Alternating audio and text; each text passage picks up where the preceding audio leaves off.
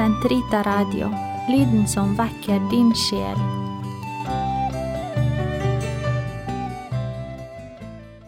Kamels hage, episode 33 Teresa Jesusbarnet og Det hellige ansikt En kjærlighetens profet for vår tid I en del programmer fremover vil vi fokusere på en meget kjær karmelitthelgen, Teresa Lysjø, som levde fra 1873 til 1897.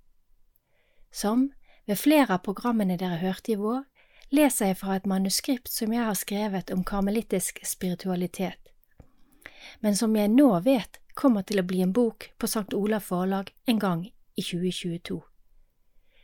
I morgen, den 1. oktober, feires Therese med festdag i Karmelittorden. Oktober er også den måneden som vår store helgen Therese av Avila feires, bare 14 dager senere, den 15. oktober. Derfor blir 14. oktober viet til Therese av Avila, og så fortsetter programmene om lille Therese ut måneden. Vi ber først. Kom Hellige Ånd, fyll dine troendes hjerter og tenn i dem din kjærlighetsild, du som gjennom de mangfoldige tungemål samler alle folkeslag til troens enhet. Send ut din ånd, og alt skal bli omskapt, og du fornyer jordens åsyn. La oss be. Gud, du har opplyst de troendes hjerter ved Den hellige ånd. Gi oss at vi ved din ånd kan glede oss over det som er rett, og alltid bli lykkelige ved Hans trøst. Ved Kristus vår Herre. Amen.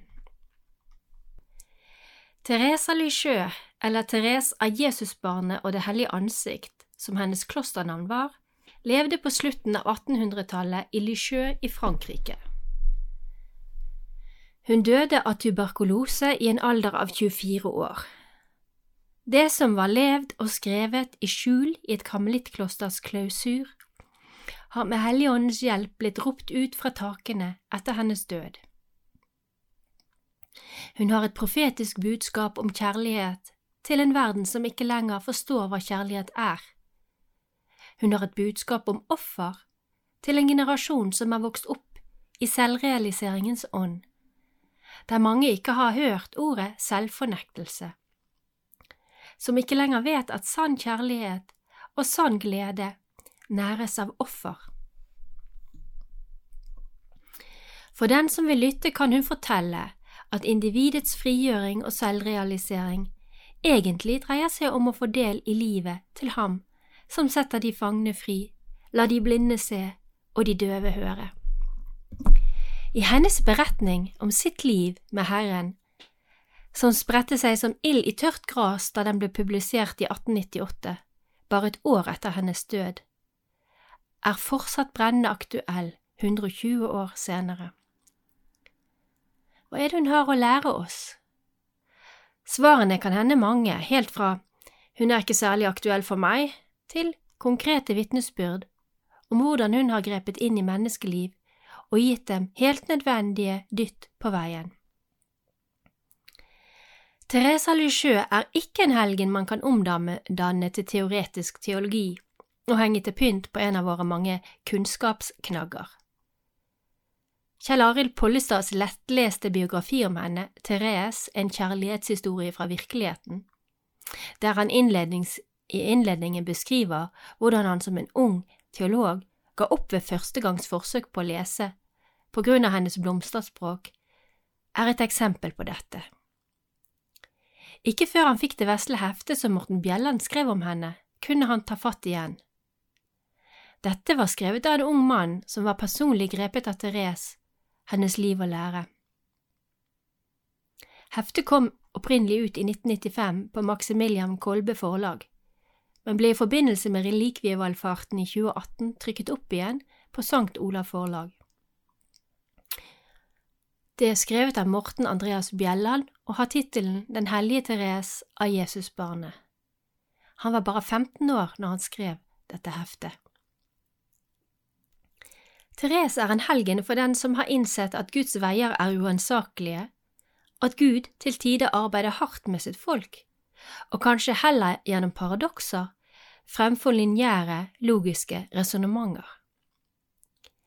En beretning om Therese må nødvendigvis bli personlig, så også denne. Hennes lære, derimot, kan utkrystalliseres til en vei, en meget liten vei mot hellighet, som hver enkelt er invitert til å gå, uavhengig av personlighet og anlegg. Det er denne lille veien til hellighet, uttrykt med Dine armer, Jesus, løfter meg, som gjennom de forskjellige stadier i hennes korte liv ledet henne til den intimitet med Jesus Kristus som Paulus beskriver i Filippabrevet 3.7. Men det som før var vinning for meg, det regner jeg nå for Kristi skyld som tap. Ja, jeg regner alt som tap, fordi det å kjenne Jesus Kristus min Herre er så mye mer verdt. For Hans skyld har jeg tapt alt, og alt jeg har tapt, regner jeg som verdiløst skrap. Bare jeg kan vinne Kristus og bli funnet i ham, ikke med min egen rettferdighet, den som loven gir, men med den rettferdigheten jeg får ved troen på Kristus. Det er rettferdigheten fra Gud, bygd på tro. Da kjenner jeg ham og kraften av hans oppstandelse, får del i hans lidelser og blir ham lik når jeg dør som ham måtte jeg bare nå frem til oppstandelsen fra de døde. En snublestein av en profethelgen. Jeg har, og her kommer et hermetegn, kjent Therese i så godt som 20 år, og hun har, nok et hermetegn, plaget meg i omtrent like mange år. Hun er blitt en del av min familie. Hennes bøker og bilder er del av vår stue, og som med diverse andre familiemedlemmer kan hun til tider være litt utfordrende. Man kan gjerne lukke døren litt hardt og antyde behov for alenetid og pause. Jeg har ikke tall på hvor mange ganger jeg har ryddet henne bort, stappet biografien hennes i hyllen, for så å ta den ut igjen for å lese om igjen akkurat det hva hun skrev om dette og hint. Hvorfor i alle dager holder jeg på med dette vennskapet som er så krevende? Jo, fordi hun er en profet som har ett eneste budskap, å lede sin, sin tids mennesker tilbake til rett tro og lydighet mot Gud, som forsøker å gi folk innsikt i Hans barmhjertige kjærlighet, som er konkret, en konkret, erfarbar realitet, og ikke kun vakre ord i evangeliet.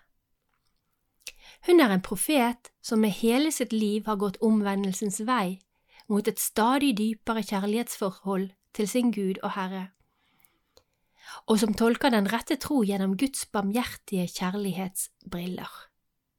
Hun er en profet som har forstått vår tid, og vet at hun må henvende seg til individet. Gjennom konkret og individuell veiledning vil hun lære oss fortapte individualister og ta ansvar for våre åndelige liv, for derved å kunne bli til det folk som Gud kaller sitt. Lære oss av kjærlighet til vår Herre Jesus Kristus, og glemme oss selv, ofre våre liv til Gud for våre medmennesker og sjelenes frelse, der Kirken blir brennpunkt for det hele. Det er i saligprisningenes ånd vi må søke å leve for virkelig å kunne sette pris på og forstå Therese.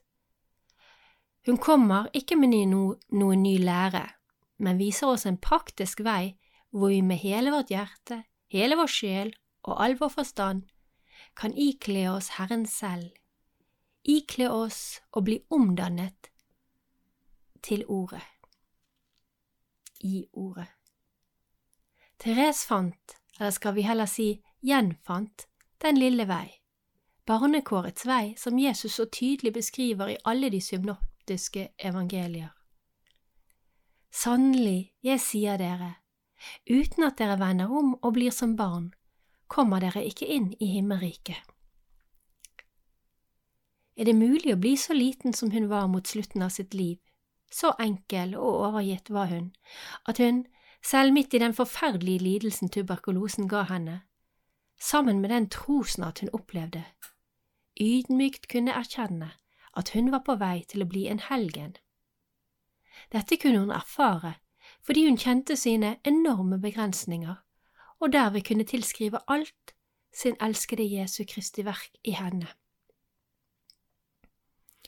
Kanskje er det ikke før mot slutten av et menneskeliv, med døden som nært forestående, realitet, at man virkelig klarer å ta dette store kvantespranget. Jeg kan, som hennes søster Celine, mange ganger fristes til motløshet i møte med mine høye og til tider selvsentrerte idealer. Når jeg opplever at veien frem til enkelhet og overgivelse i Kristus er lang, og slett ikke enkel, så kan jeg trøste meg med at slik var det også for Therese. Av hennes skrifter skjønner vi at hun hele tiden arbeidet med seg selv, hele tiden lot Herren ta del i hennes utvikling, stadig reiste seg, stadig øvet på å smile og takke Herren, i nederlagene så vel som i seirene. Her er det godt å følge etter. Therese ga alt, fikk et kort og intenst liv på å la seg forvandle i Guds brennende kjærlighetsflamme. Derved blir hun et så tydelig forstørrelsesglass på en hellighetsprosess som vi alle er invitert inn i om enn på en langsommere og kan hende mindre intens måte. Hun er et lysende eksempel på hvordan Gud virker i en sjel som er villig til å la seg forme. Den lille vei Det var i det små, det skjulte, i de hverdagslige handlinger at hun utøvet disse heroiske dyder, og derved peker på den lille vei til hellighet. Det var i hverdagen hun fikk motta å øve denne Guds kjærlighet, som skaffet henne et slikt umiddelbart ry som hellig, først innad i klosteret, da nonnene fikk lese hennes selvbiografi, og senere for troende verden over da den ble publisert.